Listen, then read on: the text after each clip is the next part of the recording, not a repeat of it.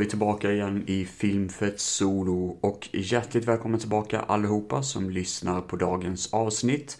Idag så ska jag avhandla Harry Callahan i Dirty Harry-serien.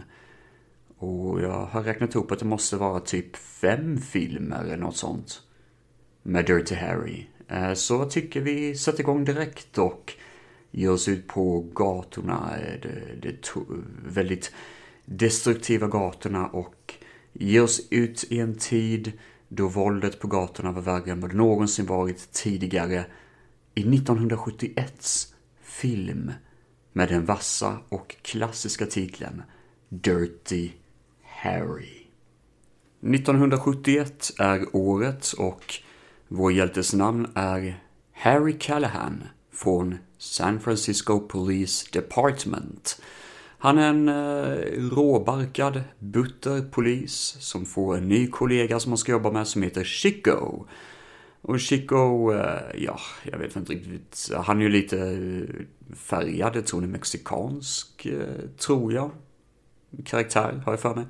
Eh, och eh, ja, det... Eh, han eh, får ju veta då att han ska jobba med en person som är ganska jobbig.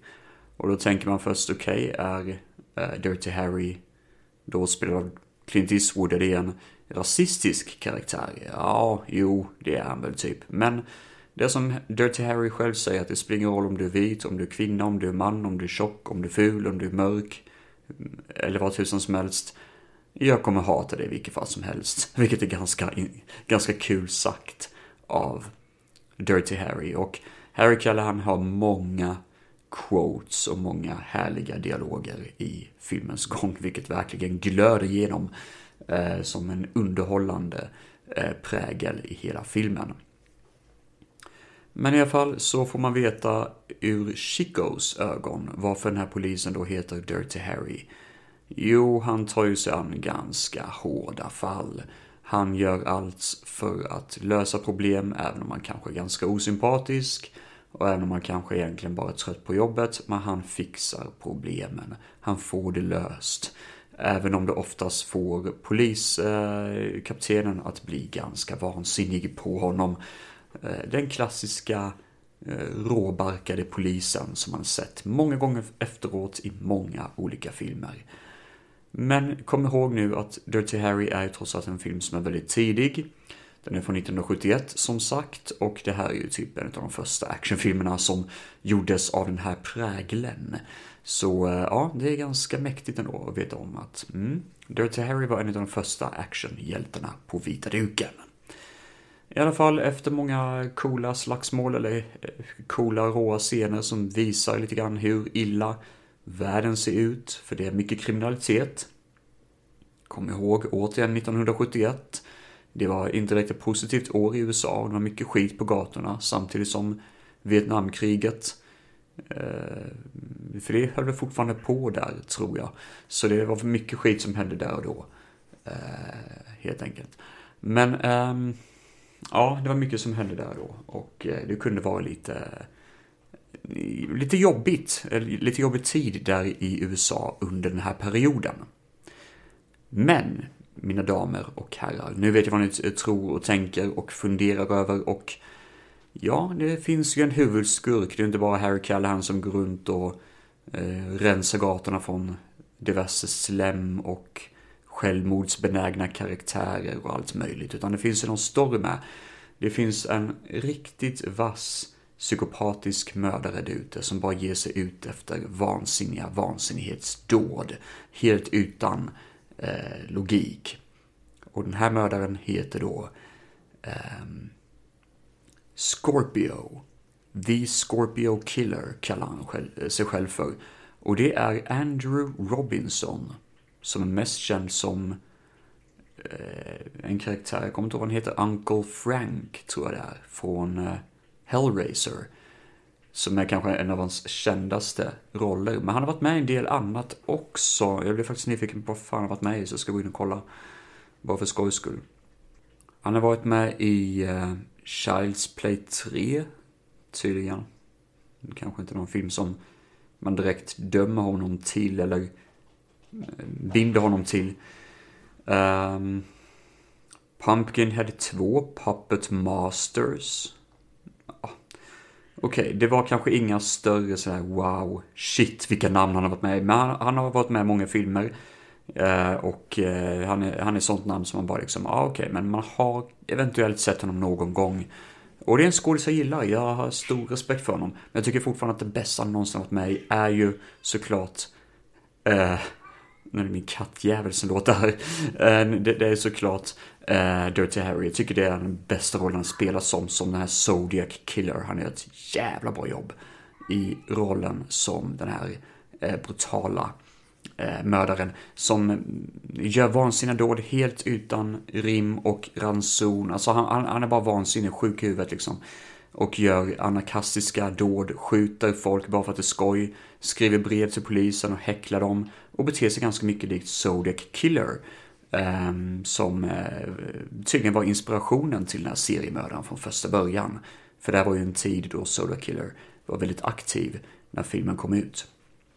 Så det var mycket sådana här, så här ser världen ut och så här ska vi visa, så här ser USA ut just nu med kriminalitet och skit och vi skapar en karaktär, en polis som tydligen också är baserad, eller inspirerad av den verkliga polisen som jagade efter Zodiac Killer under den här perioden. Vilket är ganska kul. Det står också enligt EMDB Trivia att um, Harry Callahan, eller Clint Eastwood själv, hittade Andrew Robinson och sa att det här är en skådis som ni ska spana in för det här är en skådis väl värd att spela rollen som ehm, eh, mördaren i den här filmen. Så det är lite småkul. Han såg dem tydligen på teaterinspelning eller någon teaterföreställning och bara shit, den här snubben ska ni ha. Han är jävligt bra. Och det är han. Han är jättebra för han ser ut som en eh, ung, eh, väldigt, väldigt ung kille. Han ser ut som att han är typ 20 bass eller något sånt i filmen. Men han är jättebra på att se ung och löjligt eh, liksom oskyldig ut. Men han har ju sån vass jäkla prestation under filmens gång som gör att man faktiskt på riktigt blir rädd för honom. Han är riktigt obehaglig, särskilt i en scen då han eh, hijackar en buss och beter sig helt eh, bananas.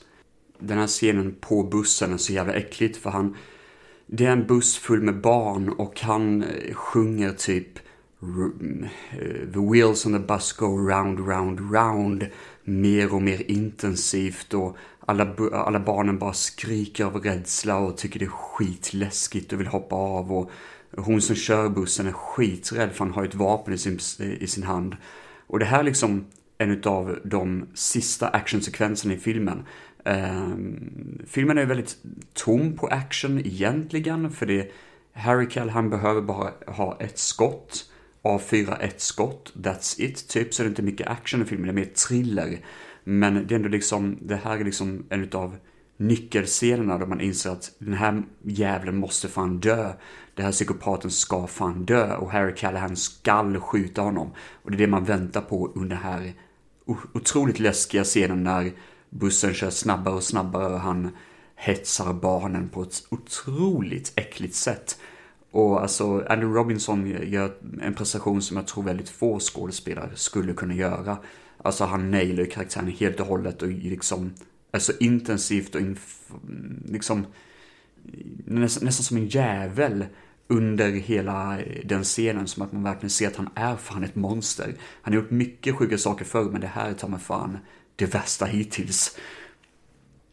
Sen finns ju också en sak ganska tidigt i filmen som jag tycker är väldigt kul.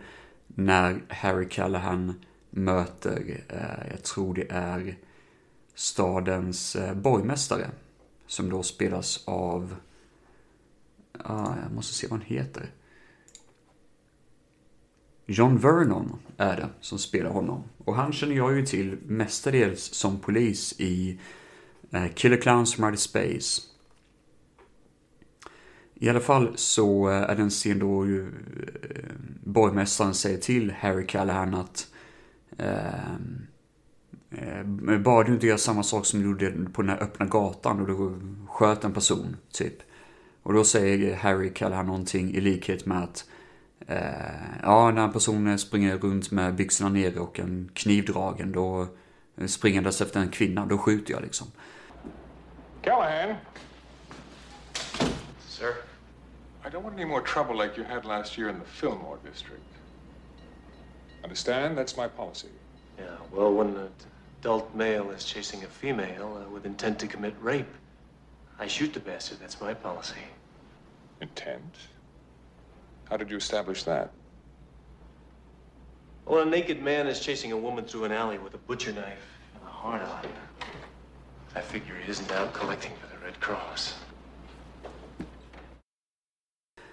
Och det är en väldigt rolig eh, comeback, men det komiska och det bästa är det att det finns ju en eh, liknande scen i eh, den nakna pistolen som jag tycker är skitrolig, en av de roligaste skämten. Då man gör en liten callback till det här. Oh, Drebin. I don't want any more trouble like you had last year on the south side. Understand?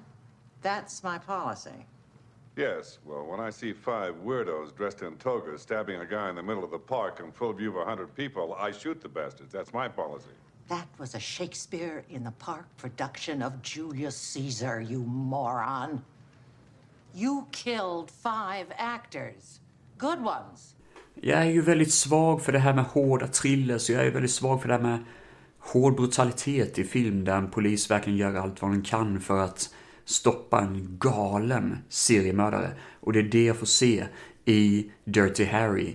Eh, jag tycker Harry Callahan själv är riktigt hård. Jag tycker actionscenerna är tillräckligt hårda men väldigt korta och intensiva. Precis som det skall vara i en sån här film. Det går inte för långt eller pågår för länge. Och det, det är hårt. Och det är många scener som fortfarande är en av de mest utstående scenerna. Som man bara känner att det här måste man ju också nämna. Eh, exempelvis eh, den fantastiska eh, eh, eh scenen då Dirty Harry i stort sett nästan slår ihjäl eh, eh, Andrew Robinsons karaktär och misshandlar honom som fan på en öppen fotbollsplan och kameran panorerar bort från eh, alla slag och allt möjligt så att det verkligen ser ondskefullt ut. Och det är för att han måste få fram information var en kvinna ligger levande begravd. För eh, han, eh, eh, Andrew Robinson har hela tiden retat poli, eh, polisen om att det finns en kvinna som är kidnappad. Och eh, eh, ja, det, det, är en läskig scen och det är ont i hela jävla kroppen att se den här scenen. Men brutaliteten, ärligheten och eh, gatornas smutsighet, allt det där fångas otroligt bra och det här är ju en av de bästa filmerna som någonsin har gjorts enligt mig. Eh, jag är helt begeistrad i Dirt Area och tycker den är fantastisk.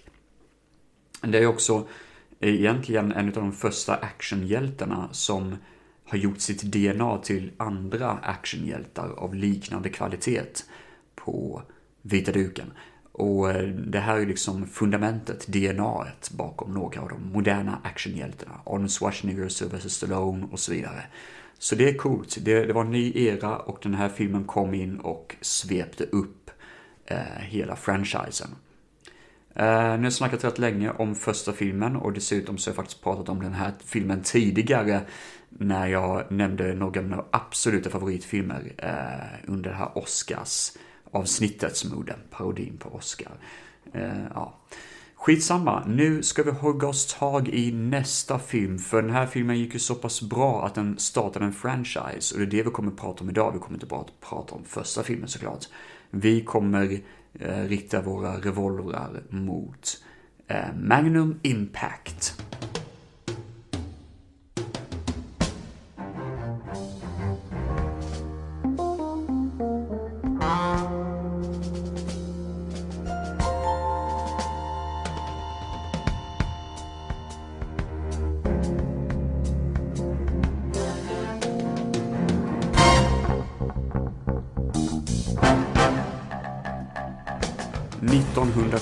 2003 kom Magnum Force ut. Jag sa fel titel där.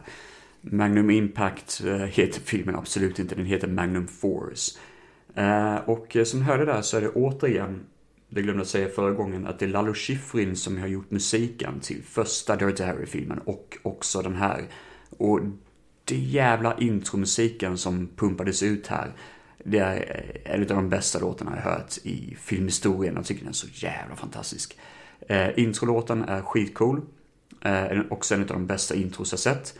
För vi får se hur Harry håller en revolver Vi får bara se handen som håller hans 44 Magnum-pistol. Eh, samtidigt som eh, introtexten scrollar liksom runt den här revolvern i färgstarka färger. Och helt plötsligt så är det som att eh, handen vrider sig mot kameran. Vi får fortfarande se Harry Callans ansikte men det är fortfarande bara fokus på själva pistolen. Och så säger han då Do you feel lucky? Och klämmer av ett skott. Och eh, det är så eh, man börjar en film enligt mig.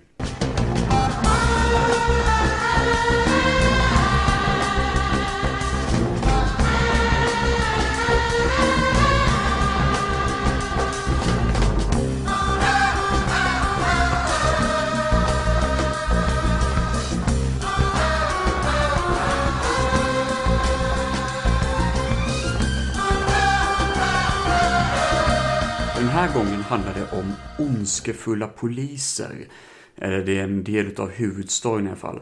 Att eh, några personer utklädda till poliser genomför brutala avrättningar av kriminella i samhället.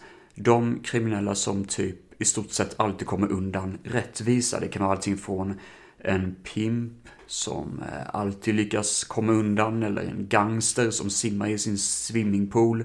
Vad den är för något så kommer den här Eh, en utklädd polis i sån här polisuniform med eh, hatt och mörka glasögon och allt möjligt så man ser inte riktigt vem personen är och skjuter ihjäl då diverse fiender. Och under filmens gång så börjar Harry, eh, Harry Callahan själv undersöka varför polisen gör det här, vem är det som ligger bakom det?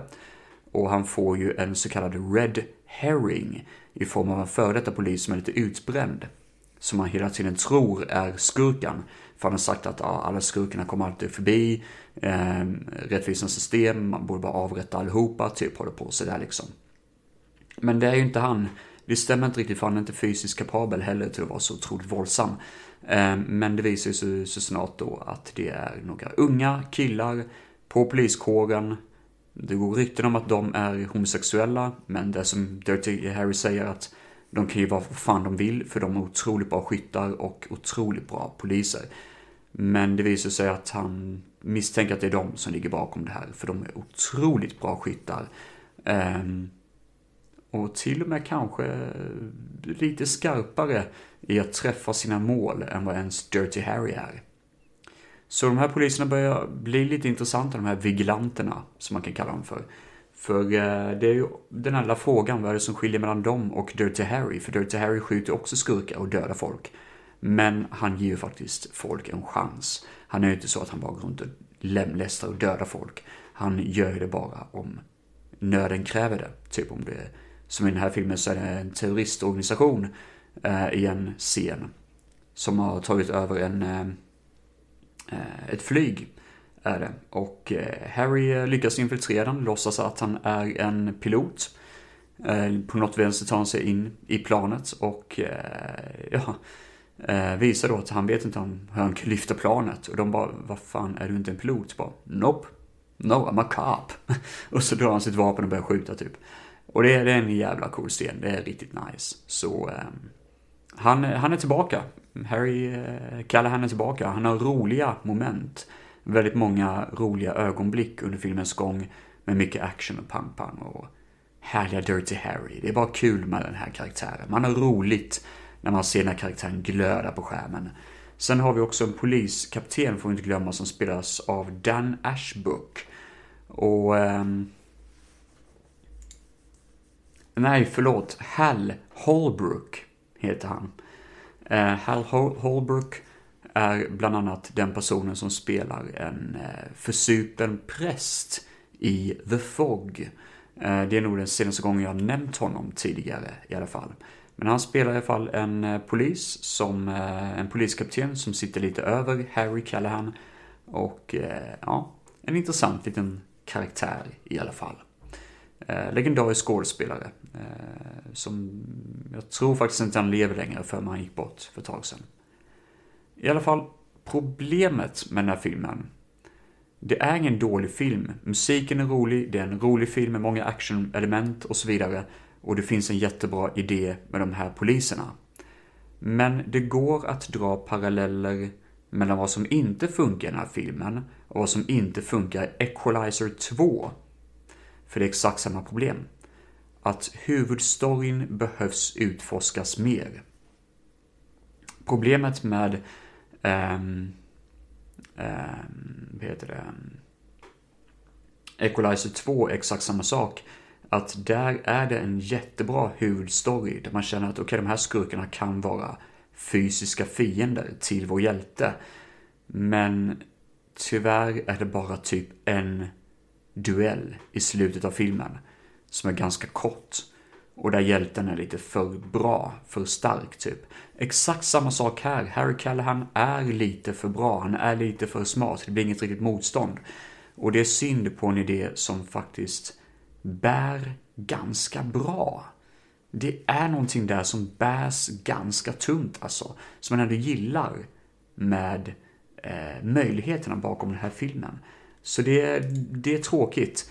Jag tycker nästan att den här filmen får mer stryk av att den inte utvecklar någon typ av duell mellan Harry Callahan och de här korrupta poliserna. För det är någonting där som är väldigt kul att berätta och väldigt kul att se. Sen har vi en karaktär som, jag känner igen namnet något djävulskt. Jag är inne och kollar på honom just nu på EMDB faktiskt. Men frågan är om det är han. Han heter Tim Matheson. Och jag funderar på om han inte är med, om han inte spelar med i Transers-filmerna. Men det, jag, jag kanske tänker på en helt annan eh, skådespelare.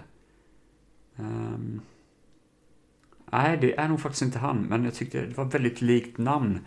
Uh, Tim Matheson, ja, det var väldigt likt. Men han har varit med i många filmer i alla fall. Han spelar tydligen en av poliserna, tror jag, de här korrupta poliserna som är med i filmen.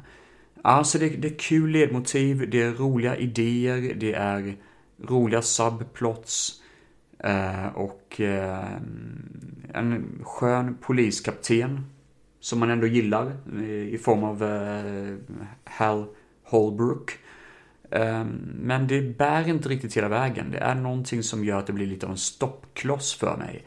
Och den stoppklossen fanns inte i ettan i första Dirty-filmen, som såklart är ganska svår att slå i och för sig. Men jag tror stoppklossen är det att det är mycket mellanakter och me mellanberättelser. Precis som med Equalizer 2.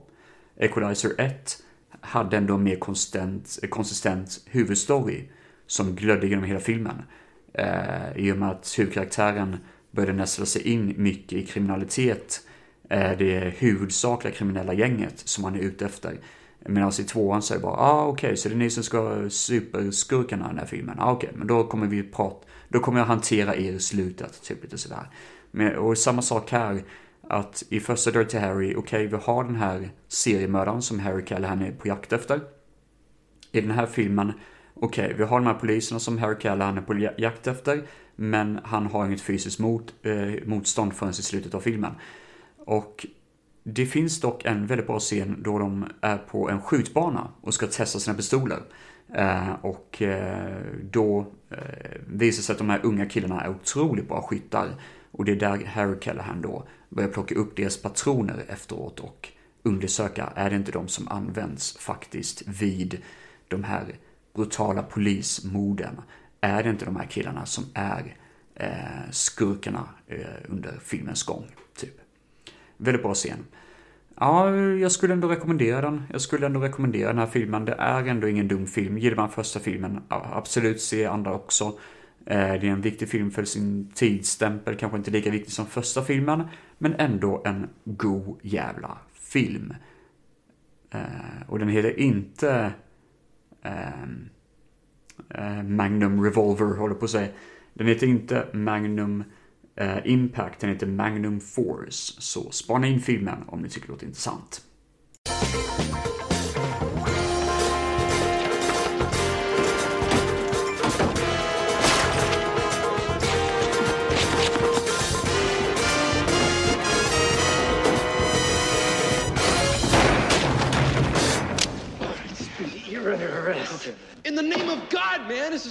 Church. What are you doing? I'm a police officer. This man's under arrest. Follow, help me. I wasn't doing a damn thing. This guy just rousted me.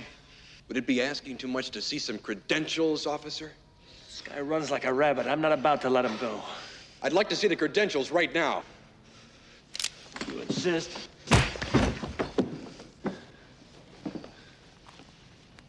Callahan, Inspector. Well, Callahan, I think you're a disgrace to this city.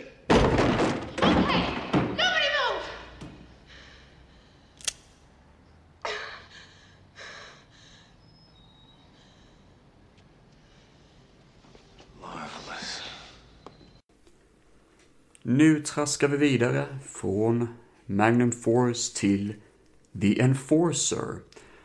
Och eh, Magnum Force var tydligen en utav eh, Clint Eastwoods favoritfilmer, i alla fall hans favoritfilmer i Dirty Harry-franchisen, vilket är ganska kul nog. Jag tror eh, han hade säkert roligt när han gjorde filmen, det känns lite sådär.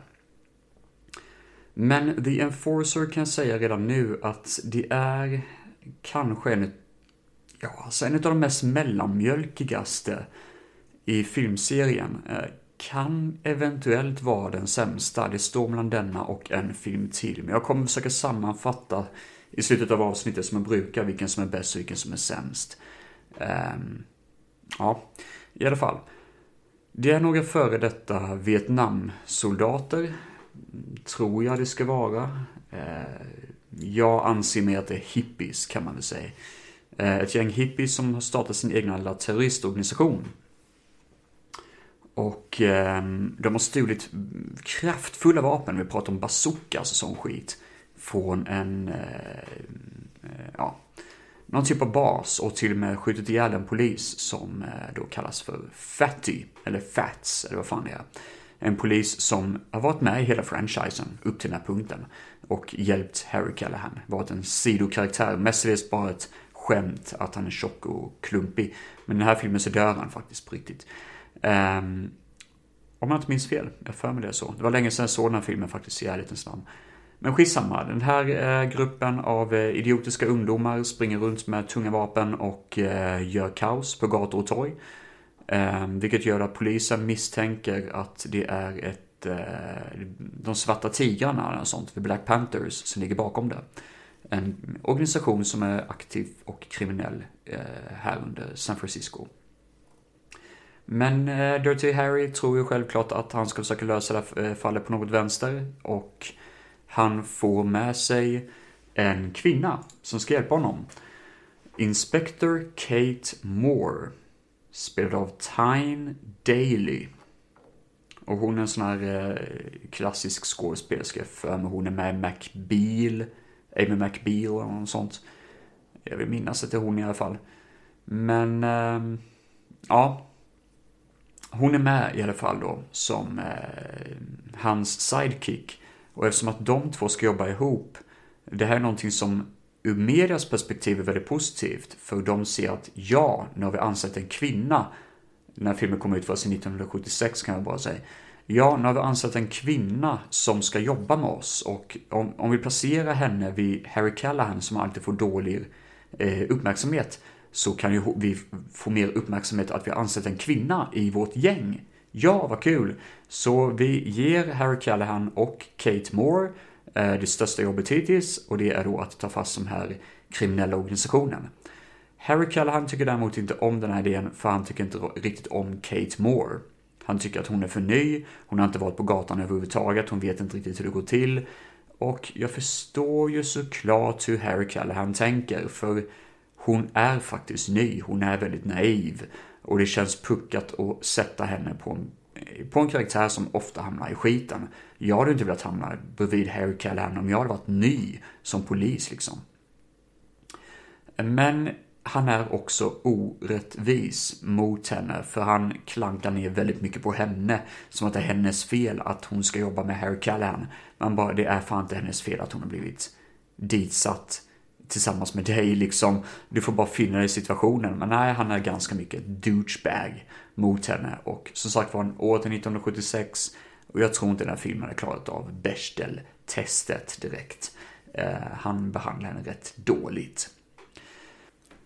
Filmen puttrar på i lite lagom takt. Det händer inte sådär jättemycket. Jag kommer ihåg att Skurkarna får ta på en bazooka som sagt var och siktade mot typ en limousin. Eh, jag kommer ihåg att ehm, Harry Callahan åker till Harlem och pratar med ledaren för Black Panthers, tror jag det ska vara. Och det är samma skådespelare som spelar han som ligger ner på marken som Harry Callahan siktar sin pistol mot i första Dirty Harry-filmen. Där han säger Do I feel lucky? Well do ya, punk. Till. Eh, så det är samma skådespelare. Han är tydligen också med i Sudden Impact, tror jag, som jag ska prata om härnäst. Eh, ja, det stämmer. Just det, det är samma skådis. Sen så minns man ju också det att han åker till något ställe där de fejkar typ någon pornografisk klubb. Ungefär, där de fejkar kärleksbrev och det är gamla tanter som sitter typ och kysser på dem med makeup. För att det ska se ut som att det är någon som ger en tung kyss till den som ska läsa brevet. Det var en liten rolig sak, sån här konstig liten sån här, Jaha, det är egentligen så här det går till, typ när man scammar folk. Um, ja, dum liten detalj kanske. Och sen såklart så tänker man på Alcatraz, scenen. För karaktärerna, våra skurkar, har bet sig till Alcatraz. De har tagit någon person som gisslan. Och Dirty Harry måste ta sig dit med då sin kvinnliga kollega för att göra den stora uppgörelsen. Ja, det här är en relativt vag film. Den är lite mellanmjölk och lite svag. Till skillnad från förra filmen, som ändå trots allt hade en väldigt cool scen där Harry Callahans kollega blir sprängd i bitar när han öppnar en eh, brevlåda.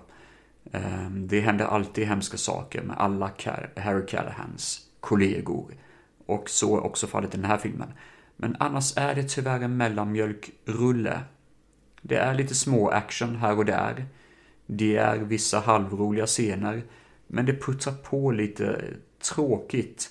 Huvudskurkarna är ett motstånd, visst. Men de är också lite tråkiga.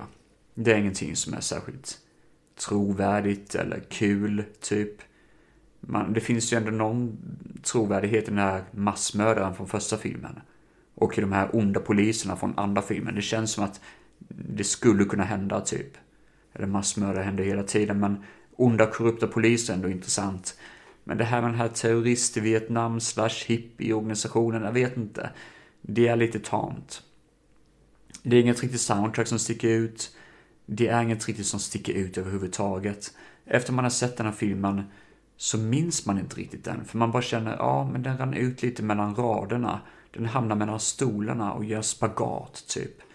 Och det kan vara därför det kanske är den sämsta filmen i serien, trots allt. Måste jag nog ändå tillägga redan nu. Som sagt var, ingen film man måste se, men ingen film som är helt jävla värdelös heller. Bara en film som verkligen är lättglömd.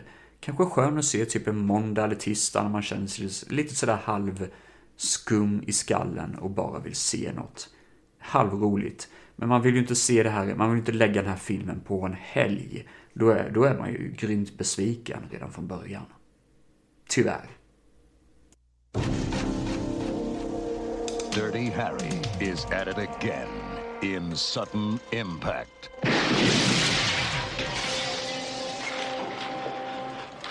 What you doing, you pighead sucker? You boys, put those guns down. Say what? We're not just gonna let you walk out of here. Who's we, sucker? Smith, and Wesson, and me.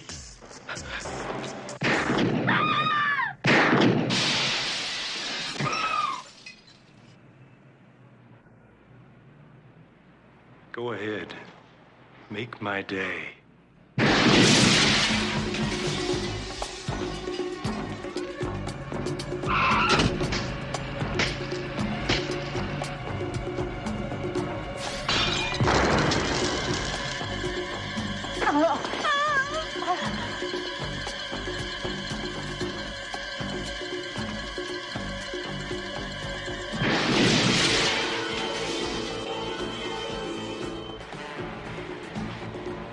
Go ahead. Make my day. Clint Eastwood, Dirty Harry. Sudden Impact. Harry Callahan kliver in i 1980-talet, närmare bestämt 1983, med Sudden Impact, regisserad av Clint Eastwood himself. Nu var ju actiongenren redan etablerad i världen och många actionhjältar klev ut på vita duken. Och hur fan skulle Clint Eastwood kunna liksom göra Dirty Harry eh, lika intressant, lika kul? Det, det är inte det är inte lätt alltså. Men storyn i den här filmen, ja, storyn och längden är väl problemet. Den är två timmar, men det känns nästan fan längre än så. Men ja, jag ska gå in på det lite mer sen, eventuellt i alla fall. Eh, Harry Callahan har återigen gjort sina chefer lite förbannade för att han har råkat att göra en eh, mega eh, maffia-boss skitsur som gör att hans liv är i fara och det gör att han måste sticka från San Francisco ett tag. Så han är on suspension från sin eh, position som polis. Och eh, borta i eh, någon typ av småstad utanför San Francisco. Och samtidigt är det då en kvinna som gör en massa sån här hämndattentat mot människor, mot helt random folk i stort sett. De går runt och skjuter ihjäl dem på brutala sätt. Och det är då själva eh, Eh, fienden, eller själva problemet som ska löka, eh, lösas. Det är Sondra Lock som spelar den här kvinnan. Och hon var gift med Clint Eastwood. Eh, tydligen har hon gjort en egen autobiografi som berättar om hur det var att leva med Clintan och det var tydligen ett fucking helvete. Vi har dykt upp information om att Clintan kanske inte varit den schysstaste mannen att leva med och att hon i stort sett levt av verbalt eh, missbruk eller ja, hon har inte levt bra helt enkelt, stackarn. Och det är synd med för hon, hon så jävla vacker ut. Alltså, hon är väldigt vacker med stora ögon och väldigt inramat och fint utseende. Och Clintan är, har ju alltid sett gammal ut typ. Um, vi har ju en kvinnlig karaktär som heter Audrey Neenan. Jag ska in och kolla på hennes EMDB här. För hon är en sån som jag har sett någon gång tidigare. Um, nej, jag kan faktiskt inte hitta henne just nu. Men hon är en sån bitchig jävla karaktär. Um, hon befinner sig på en bar och hon är spydig och äcklig och obehaglig. Och hon är nästan typ huvudfienden för då den här kvinnan som eh, avrättar folk. För det visar sig under filmens gång att hon blir tydligen våldtagen av ett gäng olika karaktärer och att hennes mål är då att hämnas alla som är involverade i den här eh, våldtäktssituationen. Och eh, Audrey Ninan spelar en av de obehagligaste personerna som har lett den här våldtäkten. Plus tillsammans med en person som heter, Paul, eh, som heter Mick. Som spelas av Paul Drake. Ja, han har inte varit jättes stor heller. Jag tror knappast att han lever längre. Men han eh, ser verkligen sluskig ut. Han har... Eh, alltså han ser ut lite grann som en redneck typ. Han har lite skägg och slaskigt hår som är bakåtslickat. Han har typ ingen lugg överhuvudtaget. Så han ser verkligen jättekonstig ut. Eh, väldigt sådär obehaglig, nästan som en våldtäktsman utan tvekan. Så de har kastat honom perfekt i den här rollen.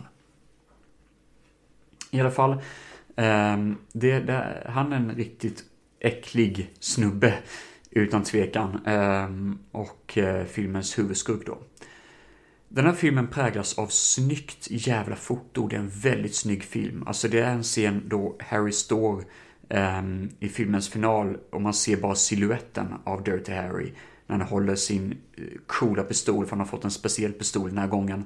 Som också tilldelas till honom av samma person som är med från första Dirty Harry och eh, förra filmen eh, som spelar den här, eh, eh en utav Svarta Pantrarna, eh, ledaren över den organisationen. Han dök upp igen och ger Dirty Harry en riktigt speciell cool pistol. Det är inte hans Magnum 44 eh, Magnum längre, utan den annan typ av pistol han får. Bara för att han är ute ur tjänst. Och den här är ett riktigt jävla dundercoolt vapen. Jag kan inte riktigt beskriva det, men alltså den är liksom avlång med en smal pipa och ser nästan ut som att det kommer från ett Fallout-tv-spel typ. Lite futuristisk och metallisk och badass. Och han står i alla fall i den här scenen mot slutet av filmen, bara siluetten av honom när han håller den här pistolen eh, riktad ner mot marken, typ som en serie, alltså sån här eh, slasher-mördare typ. Och problemet är ju lite grann i filmens gång att han blir kär i den här kvinnan som har varit våldtäktsoffer och eh, börjar undra lite grann själv att eh, har hon gjort något ont? Hon kanske gör de goda grejerna genom att hon utför de här brutala dåden mot de som har våldtagit henne en gång i tiden. Och det är lite sådär typ. Problemet är återigen, det är en lång film, två timmar lång. Huvudstoryn, visst, det är lite småkul, men det berättas långsamt. Och den andra storyn jagas av eh, de onda, eh, vet du det, maffiagrabbarna känns ju mer som ett hot än vad det faktiskt känns som att huvudstoryn är. Så det känns som att man har fokuserat på fel grej, eller i alla fall lycka, kombinera de här två grejerna funkar inte riktigt. Det känns som en film där det händer typ tre saker samtidigt som inte riktigt hänger ihop. Och det, mm, det blir kletigt typ. Jag hatar inte Sudden Impact, jag tycker den har vissa bra scener och det är en ganska kul film att studera eller att se. Men som sagt var, den är för lång och det funkar bara inte riktigt. Det, det är segt att kolla på i längden.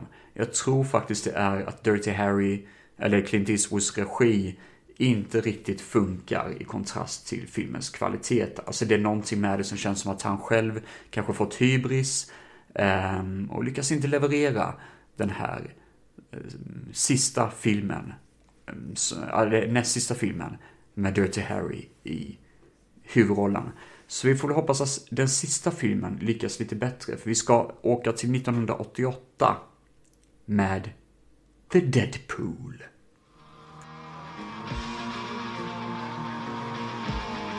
Come on, you guys, hurry up! You forgot your fortune cookie. What? So you think you know what Dirty Harry's up to? Well, take another look. It's no big secret. The Deadpool is just a harmless game. Sounds pretty sick to me. I'll play his game and make it real. Will the game continue? In the case you don't realize it, Callahan, your name is on this list too. Don't you get it? The whole idea is to pick celebrities who aren't going to make it because they're old, or because they're sick, or because they're in a high-risk profession. Like police work? Nothing personal enough. Sounds to me like this Deadpool thing is making you a little paranoid, Callahan. Maybe I'll start my own Deadpool and put you on it. You threatening me? You want to play the game? You better know the rules, love. Clint Eastwood is Dirty Harry. He's just learned a new game. The Deadpool. Välkommen till djungeln, sjöng bandet Guns N' Roses. Och ni tänker säkert, vad fan har det med den här filmen att göra? Jo, ni har säkert sett filmen om ni vet vad det handlar om. Eh, den här låten är ju med i inte bara trailern till filmen, utan också i filmens intro. Eh, sjungandes ingen annan än Jim Carrey själv. Man bara, vad i helvete är det här? Jo, det här är faktiskt en av Jim Carreys första filmer. Där han spelar en eh, skådis som ska typ liksom eh, mima till Guns N' Roses under musikvideo till någon typ av skräckfilm han är med i. Som regisseras av ingen mindre än Liam Neeson. Är också en av hans första roller.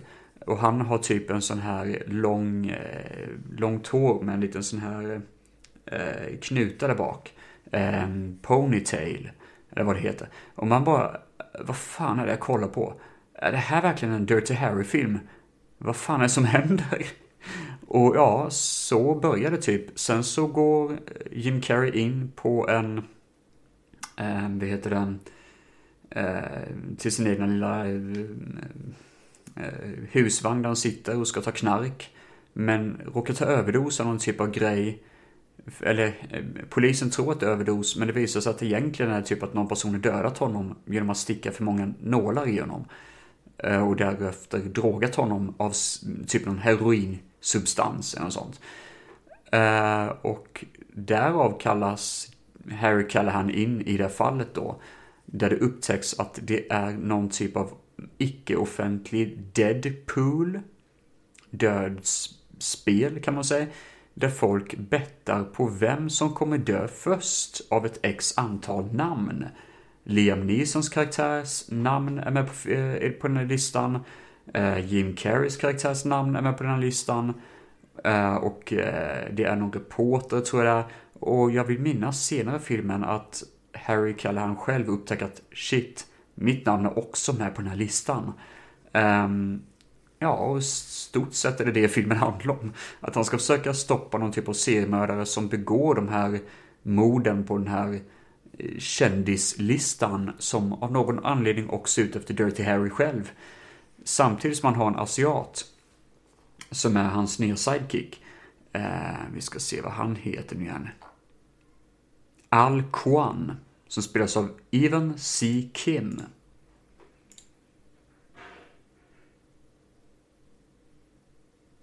Han är tydligen också med i V, den här eh, Even C. Kim.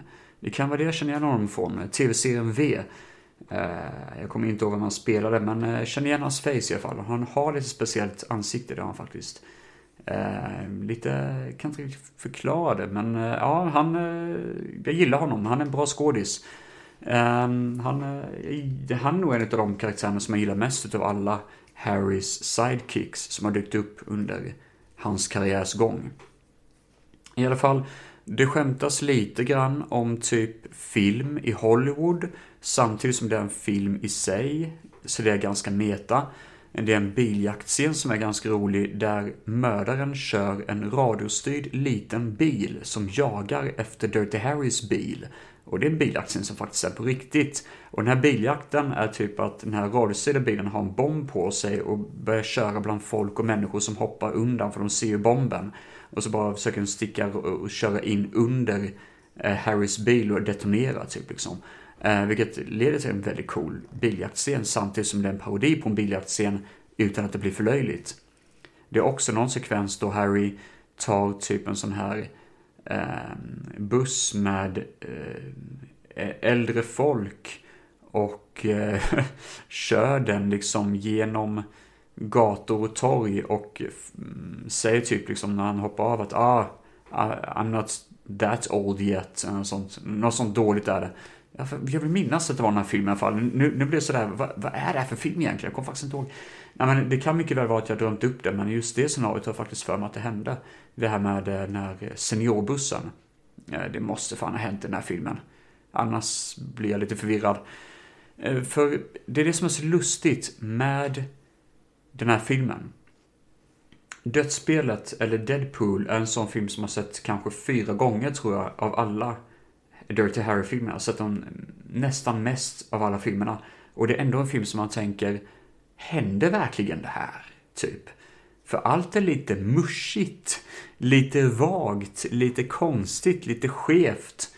Men det är också därför jag gillar filmen. Det är därför jag vill komma tillbaka till filmen, för det är så bisarrt och konstigt att se den här upplevelsen, att uppleva den här sjuka parodin som ändå inte är lika bananer som typ Gremlins 2, där det är bara outrageous, utan det blir lite mer det här jordnära och luftiga och sköna på något vis, befriande, som jag inte riktigt kan sätta fingret på. Och det är väldigt, väldigt märkligt att se i dödsspelet. Ehm, det, det här är en jätte, jättekonstig upplevelse att Eh, se helt enkelt. Sen måste man ju också såklart mm, liksom eh, hedra den fantastiska slutscenen. Nu blir det ju lite spoiler alert territory här, men ni får leva med det. För det är ju så att vi har ju en seriemördare som sagt var som går efter den här dead list eller eh, bucket list av att döda folk. Och Harry Callahan dyker upp med, alltså, den här filmen de håller på att spela in i den här filmen, The Movie Within a Movie, heter typ Blood Pirate och sånt, så det är en piratfilm. Han dyker upp med en jäkla speargun, alltså sån här spjutpistol typ. Och skjuter harpun, alltså han, skjuter, han skjuter ett harpun rakt genom magen på skurken. Och det var så jädra hårt, så jädra nice och eh, som den sista dödsscenen som Harry Callan gör på film så bara känner man ja, det, det här var ju tilltänkt att det här var den sista dödsstöten han skulle göra på en skurk. Det tar mig fan inte dåligt alltså. Riktigt mäktigt.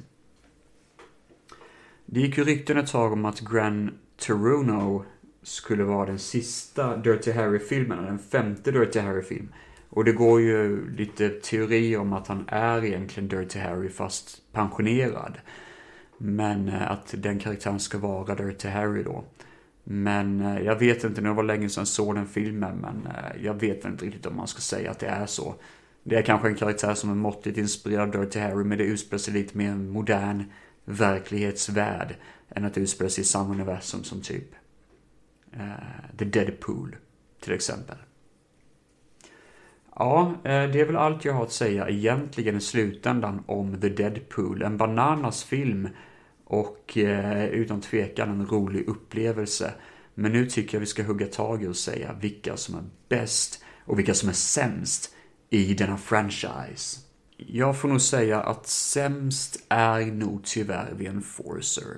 Det är en ganska vagt berättad historia och den håller inte riktigt ihop sig och jag tycker väl mest bara att det är lite mellanmjölk. Det, den når inte upp till någon kulturellt värde eller intresse. Den försvinner bort lite grann och ebbas bort lite grann. Eh, utan något kul att säga överhuvudtaget. Nästa på listan är nog faktiskt i ärlighetens namn Sudden Impact.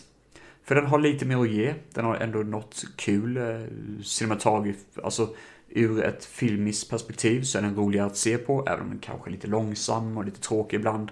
Och storyn är väldigt tunn, men jag tycker ändå den har något roligare att ge som gör att man kan ändå sitta kvar och se klart filmen, typ. Eh, till skillnad från Enforcers där man ändå känner att, ja, man zonar ut lite väl mycket i den filmen. På tredje plats får jag nog ändå säga det är Deadpool. Jag måste nog ändå säga det. Även om det är den filmen jag ser mest utav de filmerna så tycker jag att den är kanske lite väl för wacko, lite för väl out there. Får räknas som en riktigt spektakulär rulle och den kan inte riktigt slå de bästa filmerna i den här serien. Men det är en väldigt rolig film och jag tycker garanterat att man ska se den.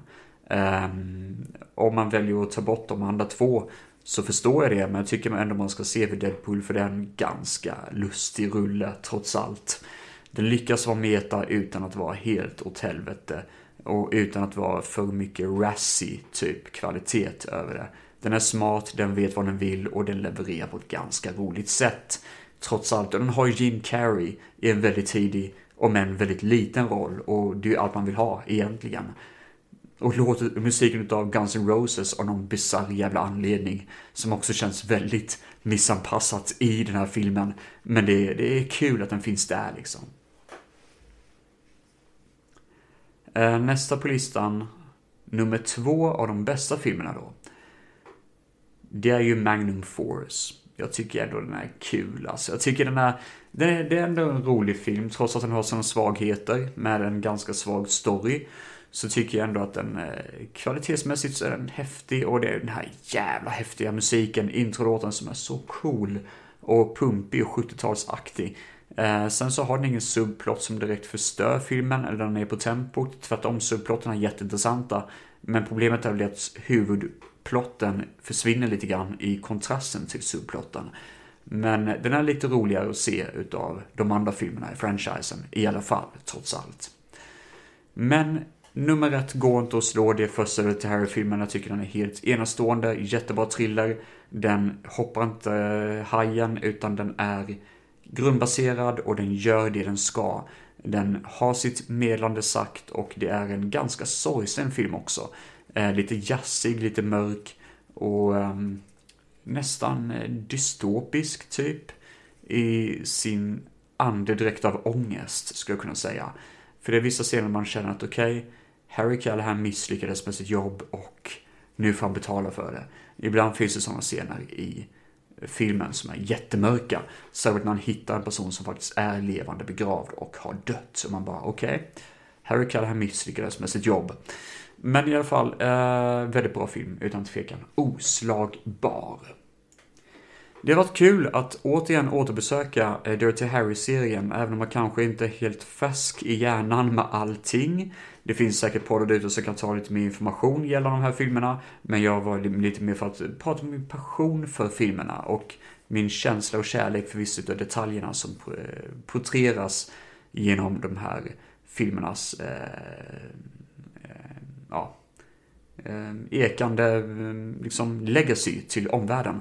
Det är ju trots allt som sagt var en filmserie som har präglat modern actionhjälte eh, i form av Arnold Schwarzenegger, Sylvester Stallone och alla möjliga, Finn Diesel och allt möjligt skit. Vilket på sätt och vis kanske man kan leva utan för Finn Diesel är jävligt överskattad. Men skitsamma, det är en annan story för en annan dag. Ehm, följ mig gärna på Instagram, på Filmfett.